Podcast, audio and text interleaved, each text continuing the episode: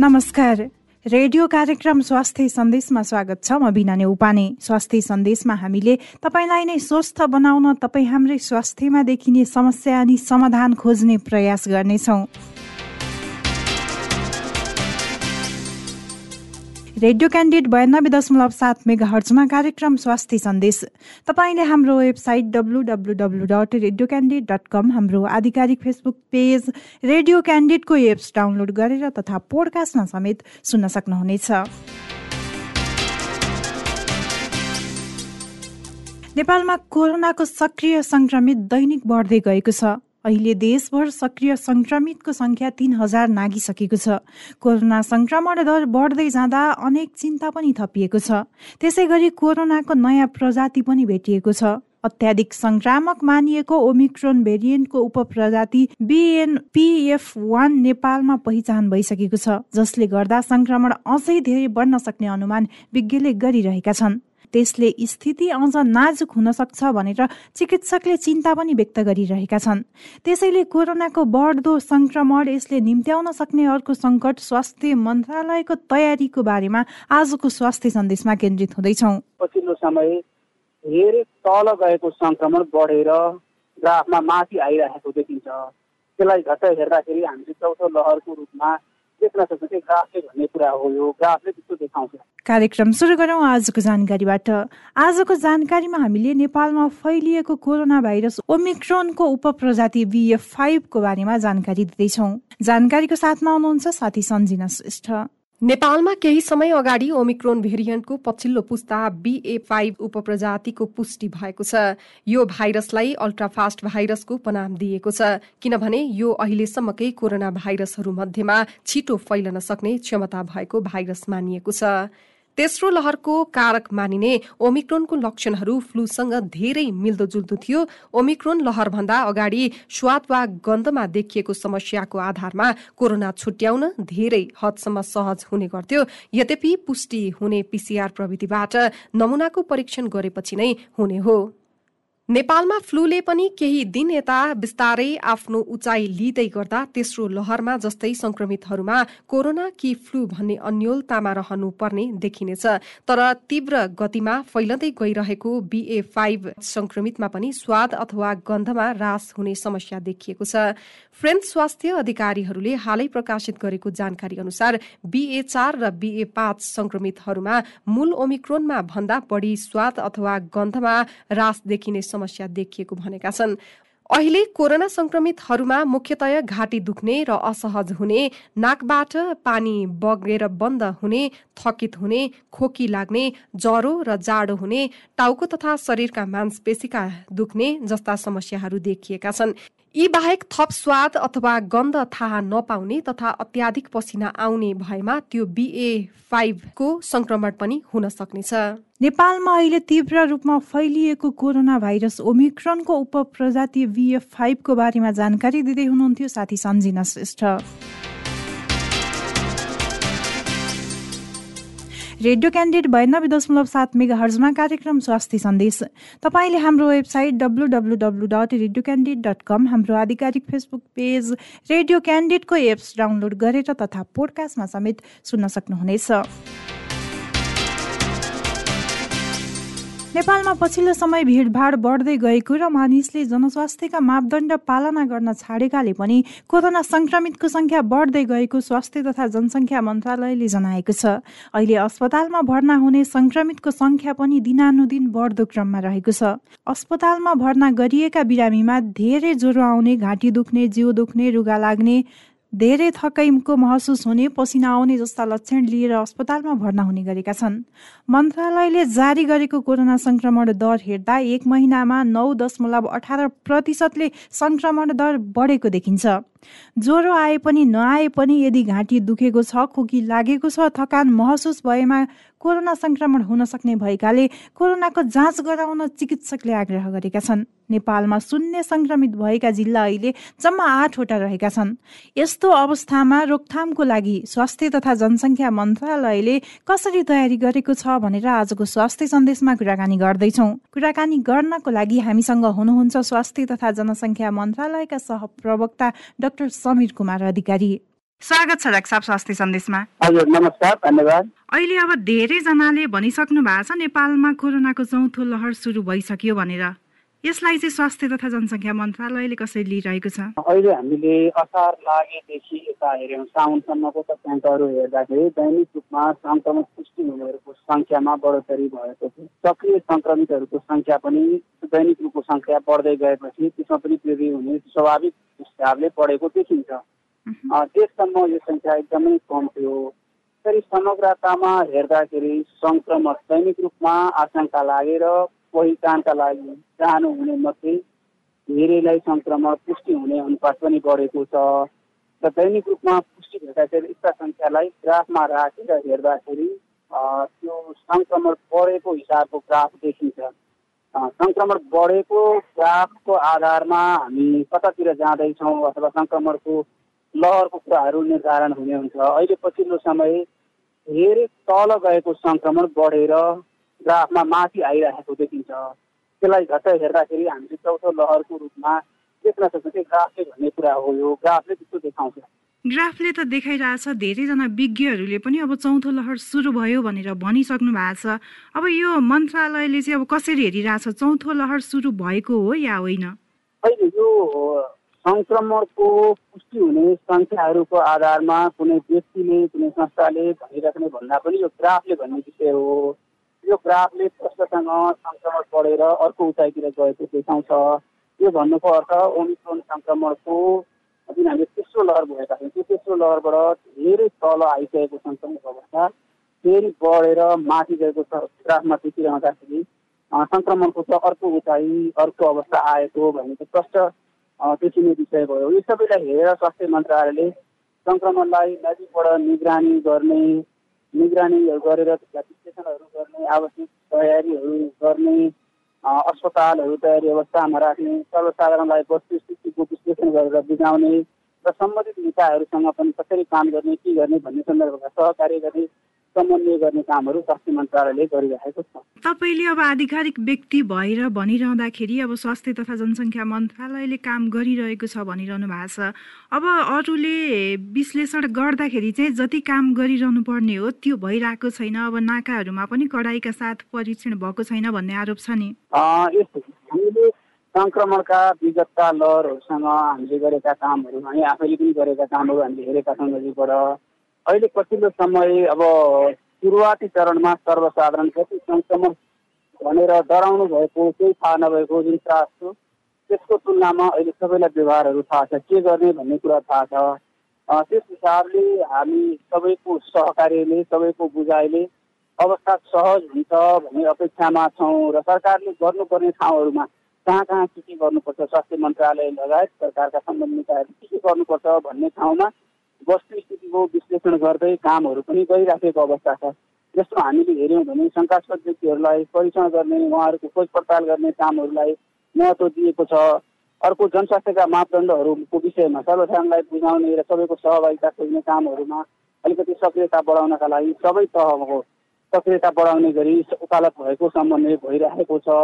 अर्को खोप जसले चाहिँ सङ्क्रमणको जटिलता रोक्छ त्यो जटिलता रोक्नका लागि खोप लगाउन बाँकी व्यक्तिहरूलाई खोप लगाउनु पर्ने समय भएको जुन मात्रा लगाउनु पर्ने छ उहाँहरूलाई बुझाउने र उहाँहरूलाई खोपको आवश्यक प्रबन्ध गर्ने कामहरू हामीले गरिरहेका छौँ। त्यसका अतिरिक्त सङ्क्रमण भयो र जटिलता हुन सक्यो भने अस्पतालहरूमा लैजानुपर्ने अवस्थामा अस्पतालहरूलाई तयारी अवस्थामा राख्ने स्वास्थ्य कर्मीहरूलाई तयारी अवस्थामा राख्ने कामहरू हामीले गरिरहेका छौँ अहिले जति पनि कुरा भइरहेछ अब यो पहिलादेखि नै स्वास्थ्य तथा जनसङ्ख्या मन्त्रालयले गरिरहेको काम भयो होइन? पहिला जुन अवस्था आयो तिनवटा वेब त हामीले पार गरिसकेका छौँ। त्यो अवस्थामा अहिले फेरि फर्किन नफर्कियौँ भन्नको लागि र त्यो अवस्था नआओस् भन्नको लागि पहिला गरिएको तयारी बाहेक अहिले नयाँ चाहिँ यो यो काम हुँदैछ भन्ने त्यस्तो केही छ हाम्रो? यस्तो हुन्छ। हामीसँग कोभिड उन्नाइस सङ्क्रमणकै महामारी हामी सबैलाई थाहा छ कसरी सर्छ र यस्तो सङ्क्रमण रोकथाम नियन्त्रण गर्न के गरी सकिन्छ त्यस्ता उपाय के हुन् भन्ने कुराहरू हामीलाई थाहा छ। त्यही भएर त्यसैमा केन्द्रित भएर विगतमा र अहिले गर्ने कामहरू त्यसैमा केन्द्रित भएरै गर्ने किनभने सङ्क्रमण चाहिँ हो त्यसको सर्ने प्रविधि चाहिँ हो जटिलता चाहिँ हो उपचार व्यवस्थापनमा संलग्न हुने जनशक्ति चाहिँ हो निगरानी गर्ने प्रणाली प्रणाली चाहिँ हो र यी सबै कुराहरूलाई हेरेर सङ्क्रमण रोकथाम नियन्त्रणका लागि हामीले गर्ने व्यवहार पनि त्यही हो। हामी व्यक्ति व्यक्तिले गर्ने सङ्क्रमण रोकथामका लागि उपायहरू जुन छन् ती उपायहरू भनेका मास्क प्रयोग भौतिक कायम गर्ने कुराहरू सरसफाइमा ध्यान दिने कुराहरू नै सङ्क्रमण रोकथाम नियन्त्रणका प्रमुख उपाय हुन्। त्यसभन्दा बाहेक नयाँ विधि नयाँ प्रक्रिया अहिलेसम्म विज्ञानले चिकित्सा विज्ञानले अर्को आविष्कार गरिसकेको अवस्था छैन। सङ्क्रमण रोकथाम नियन्त्रणका लागि हामीसँग भएका यिनै उपायहरूमा हामी सबै व्यक्ति परिवार समुदाय हामी सबै सरकारवाला केन्द्रित भएर गर्न सकियो सङ्क्रमण रोक्न सकिन्छ। अर्को सङ्क्रमण भइहाल्न सक्ने अवस्था सिर्जना हुँदा सङ्क्रमण भइहाल्दा त्यसले रोक्न सक्ने जटिलताहरू हुन सक्ने जटिलताहरू जुन हुन सक्छन् जसका कारण अस्पताल भर्ना हुनुपर्ने हुनसक्छ कसै ज्यान जान सक्ने हुनसक्छ अङ्गभङ्ग हुन सक्ने अवस्था सिर्जना हुन्छन्। त्यस्तो अवस्था सिर्जना नहोस् भन्नका लागि हामीले खोप लगाउने कुराहरूलाई विशेष जोड दिएर काम गरिरहेका छौँ। धेरै व्यक्तिले खोप लगाउनु भएको छ अझै पनि कतिपय व्यक्तिहरू बाँकी हुनुहुन्छ खोप लगाउन बाँकी व्यक्तिहरूले समयमा खोप लगाउँदाखेरि अस्पताल भर्ना हुनुपर्ने अवस्थालाई रोक्छ। अस्पताल भर्ना हुनुपर्ने अवस्थालाई रोकिने भनेको त्यसबाट पाउने जुन दुःख हुन्छ उपचार व्यवस्थापन हुने खर्च हुन्छ समय हुन्छ अरू दुःख हुन्छ त्यो सबैलाई कम गर्न सकिन्छ र उपचार व्यवस्थापन गर्दा गर्दै कहिले काहीँ आफ्नो शरीरले त्यसअनुसार अनुकूल उपचारलाई अनुकूल तरिकाले लिन नसक्दाखेरि जानै जान सक्ने अवस्था पनि आउन सक्ने हुन्छ त्यस्तो अवस्थालाई पनि रोक्नलाई खोपले मद्दत गर्ने भएको हुनाले हामीले खोपलाई अर्को प्राथमिकतामा राखेर काम गरिरहेका छौँ। त्यस्तै गरी अब उस उपचार व्यवस्थापनका लागि अस्पतालहरूमा तयार स्वास्थ्य कर्मीहरू अक्सिजन उपचारका लागि चाहिने अरू सामग्रीहरूको तयारी गर्नुपर्ने हुन्छ। त्यो तयारी हामीसँग विगतको पहिलो दोस्रो तेस्रो लहर भोग्दाखेरि गरेका जति पनि सामग्रीहरू छन् जति पनि स्वास्थ्य कर्मीहरूका तालिम छन् सिप छन् ज्ञान छन् यी सबै हामीलाई अहिलेको लहरमा पनि काम लाग्ने हुन्छ। हामीले ती कुराहरूलाई उपयोग गरेर उपचार व्यवस्थापनका प्रबन्धहरू गर्नेछौँ।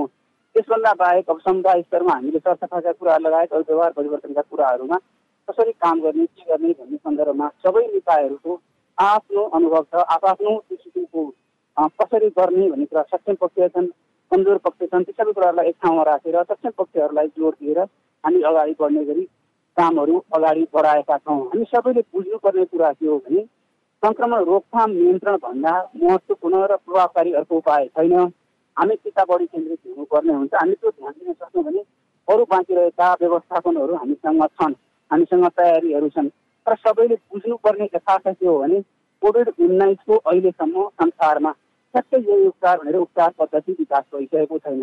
हामीसँग उपचार नभएको अवस्थामा हामीले रोक्ने भनेको सङ्क्रमण हो हामीले रोक्ने भनेको जटिलता हो।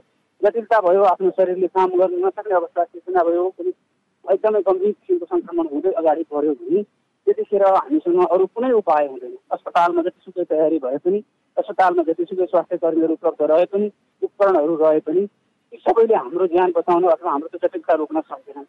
हामीलाई यो सबै कुराबाट सहज बनाउन सङ्क्रमण रोक्न त्यो सबै अवस्थाको रोकथाम चेकबार गर्न भनेको हामीले प्रयोग गर्नेमा हामीले सरसफाइ गर्ने हाम्रा हातहरू हामीले कायम गर्ने भौतिक दूरीहरू नै सबै सबै उपायका लागि प्रभावकारी पक्कै पनि कुनै संस्था भन्दा पनि व्यक्ति आफैमा पनि सचेत हुनुपर्छ यसको लागि योबाट बस्नको लागि होइन? अब खोपको कुरा आइरहेछ अब अहिले धेरैजनाले भनिरहनु भएको छ जसले बुस्टर डोज लगाइसक्नु भएको छ उहाँहरूलाई चाहिँ अब यो कोरोना सङ्क्रमण भयो भने पनि जोखिम कम हुन्छ र अस्पताल भर्ना हुनुपर्ने अवस्था आउँदैन भनेर अझै पनि धेरैजना हुनुहुन्छ बुस्टर डोज लगाउन बाँकी। उहाँहरूले चाहिँ अब कसरी पाउन सक्नुहुन्छ? धेरैजनालाई चासो हुनसक्छ यति बेला हामीलाई जति पनि सुनेर बसिरहनु भएको छ उहाँहरूले बुस्टर डोज चाहिँ कसरी पाउन सक्नुहुन्छ? हामी सबैले बुझ्नुपर्ने विषय के खोपले सङ्क्रमण रोक्ने हो खोपले स्वास्थ्य जटिलता रोक्ने हो। स्वास्थ्य जटिलता रोक्नलाई सङ्क्रमण भइहालेमा शरीरभित्र भएको रोग प्रतिरोधात्मक क्षमताले हाम्रो शरीरमा हाम्रो पोक्सो लगायतका अरू अङ्गहरूमा पर्न सक्ने दुष्प्रभावहरूलाई रोक्नका लागि रोगसँग लड्ने क्षमता हुने खालको एन्टिबडीहरू रोग प्रतिरोधात्मक क्षमताहरू बनाउँछन्। त्यो बनाउनका लागि हामीले सरकारले खोपलाई जुन प्राथमिकता राखेर खोप अभियान सञ्चालन गरेको छ खोपको प्राप्ति व्यवस्थापन सबै कामहरू गरेको छ। हामी सबैले अब बाह्र वर्षभन्दा माथिका उमेर समूहका जति पनि व्यक्तिहरू छौँ खोप लगाउन बाँकी अथवा दोस्रो मात्रा अथवा पूर्ण मात्रा लगाउने समय भएको अथवा बुस्टर मात्रा लगाउने समयावधि भएको पूर्ण मात्रा लगाएको तिन महिना कतेका व्यक्तिहरू छौँ सबैले आफ्नो नजिकमा रहेको स्थानीय तह आफू जहाँ बसोबास गरिन्छ त्यो स्थानीय तहमा सम्पर्क गरेर यस विषयमा हामीले जानकारी लिन सक्छौँ। त्यहाँबाट हाम्रो खोप लगाउने सबै व्यवस्थाको प्रबन्धको संयोजन भइरहेको अवस्था छ।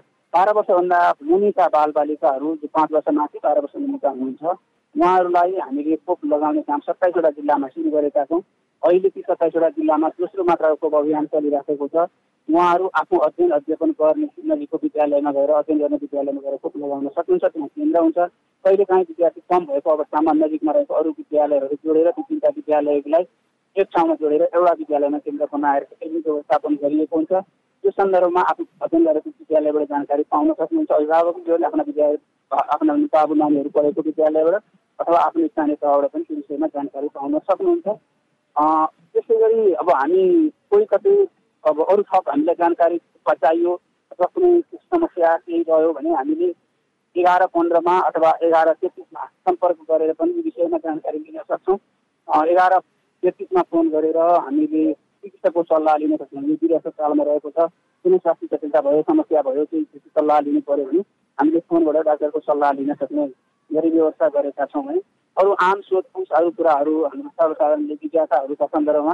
एघार एघार पन्ध्र नम्बरमा फोन गरेर जानकारी लिन सक्छ। पक्कै पनि यति बेला जति पनि स्वास्थ्य सन्देशमा हाम्रो कुराकानी सुनेर बसिरहनु भएको छ उहाँहरूलाई कुनै खालको समस्या पर्यो भने यी नम्बरमा फोन गरेर जानकारी लिनुहुनेछ भन्ने आशा गरौँ होइन?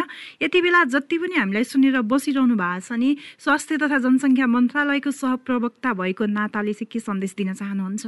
सबैको प्रयासले हामीले विगतका कठिनाइहरू झेलेर अहिलेको अवस्थामा आएका छौँ। त्यस्तै अप्ठ्यारा कठिनाइहरू नआउनु भन्नेतर्फ हाम्रो योगदान हामी सबैको हुनुपर्छ। सबैको सहभागिता सबैको साथ सहयोग सबैको टिमले हामी यो अप्ठ्यारो अवस्थाबाट सहज अवस्थातिर जान सक्छौँ भन्ने कुरा हामीले सिकि पनि सकेका छौँ। हामी आम सर्वसाधारण सबैजनालाई कोभिड उन्नाइस सङ्क्रमणको महामारी सकिसकेको छैन। यसको जोखिम चलिसकेको छैन। अझै हामी महामारीकै बिचबाट गुज्रिराखेका छौँ। यस्तो अवस्थामा हामी सबैले आफ्नो ठाउँबाट सङ्क्रमण रोकथाम नियन्त्रणका लागि व्यक्तिगत तवरमा गर्ने कुराहरू हामीले मास्कको कुराहरू भैँसी कुरा सरसफाइको कुराहरूका अतिरिक्त अरू कोही समुदायमा आफ्नो टोलमा आफ्नो घरभरिमा रहेका व्यक्तिहरू कसैले खेलवाड गर्नुभएको कसैको बुझाइमा फरक परेको छ भने त्यो बुझाउने कामहरू हामीले गर्न सक्छौँ निर्वाह नहुने उपायहरू हामीले गर्न सक्छौँ। यी सबै उपायहरूमा हामी सबैले आफ्नो ठाउँबाट आफ्नो ठाउँबाट गर्न सक्ने योगदानहरू हामी सबैले गऱ्यौँ र स्वास्थ्यले पनि समुदायमा कहीँ कतै कुनै गल्ती गर्नुभएको छ कहीँ कतै यस्तो कुराहरूलाई एकट्राई गर्नुभएको छ भन्ने कुराहरूमा बुझाउन पनि हामीले व्यक्ति गर्न सक्छौँ भने अर्को हामीले खोप लगाउन बाँकी व्यक्तिहरूलाई खोप लगाउने सन्दर्भमा सहजीकरण गर्न सक्छौँ।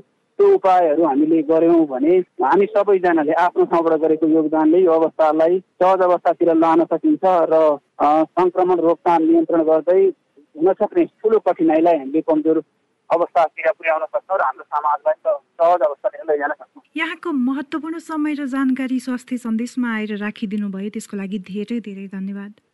धन्यवाद। नेपालमा बढेको अहिले कोरोना संक्रमणको अवस्था के हो? काठमाडौँमा नै सबैभन्दा धेरै संक्रमण किन भइरहेको छ? यो संक्रमणलाई कसरी कम गर्न सकिन्छ? सरकारले तयारी कसरी गरिरहेको छ? पहिलाको जस्तो विकराल अवस्था नआओस् भनेर स्वास्थ्य तथा जनसङ्ख्या मन्त्रालयले कसरी पहिलाको भन्दा भिन्न काम गरिरहेको छ?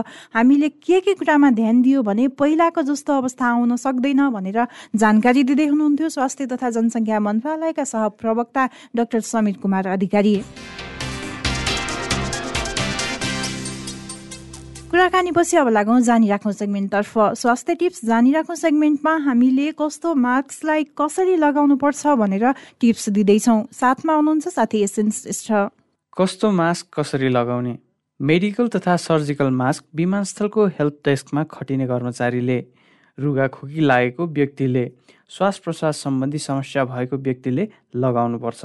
एन नाइन्टी फाइभ मास्क अस्पतालमा कार्यरत चिकित्सकले। बिरामीको रुवा र बिरामीको स्याहार सुसार गर्नेले कोरोना भाइरसको सङ्क्रमण भएको व्यक्तिले लगाउनुपर्छ। मास्क लगाउँदा जहिले पनि रङ्गिन भाग बाहिर पारेर लगाउनुपर्छ। चस्मा लगाउनेले माथितिर फु गर्दा चस्मामा बाफ नजाने गरी लगाउनुपर्छ। मुखभन्दा तलबाट पनि मास्कमा हावा छिर्नु हुँदैन। मुख र नाक दुवैमा राम्रोसँग फिट हुने गरी लगाउनुपर्छ। यदि सर्जिकल मास्क वा मेडिकल मास्क पाइएन भने सङ्क्रमित व्यक्तिले खोक्दा हाछ्यौँ गर्दा रुमालले भए पनि नाक र मुख छोप्नुपर्छ। कोरोना भाइरसबाट बच्नको लागि सबैभन्दा पहिला आफ्नो व्यक्तिगत स्वास्थ्यमा ध्यान दिनुपर्छ। साबुन पानीले हात राम्रोसँग धुने घर बाहिर हातले खाना नखाने खानै परे हातमा सेनिटाइजर लगाएर मात्रै खाने शौचालय गएपछि साबुन पानीले हात धुने बाहिरबाट घर आए लगतै राम्ररी हात धुने सम्भव भएसम्म मास्क लगाउने कसैसँग हात नमिलाउने अङ्कमाल नगर्ने बाहिरको मान्छेसँग बोल्दा एक मिटर टाढाको दूरीमा बस्ने माछा मासु राम्रोसँग पकाएर खाने सकेसम्म काँचो फलफुल नखाने गरियो भने धेरै हदसम्म बच्न सकिन्छ। पछिल्लो समय बढेको कोरोना संक्रमणबाट जोगिनको लागि हामीले कस्तो मास्क कसरी लगाउनु पर्छ भनेर टिप्स दिँदै हुनुहुन्थ्यो साथी एसेन्स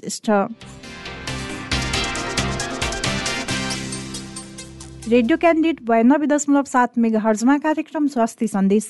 तपाईँले हाम्रो website W W W dot radio candidate dot com हाम्रो आधिकारिक फेसबुक पेज रेडियो क्यान्डिडेटको एप्स डाउनलोड गरेर तथा पोडकास्टमा समेत सुन्न सक्नुहुनेछ।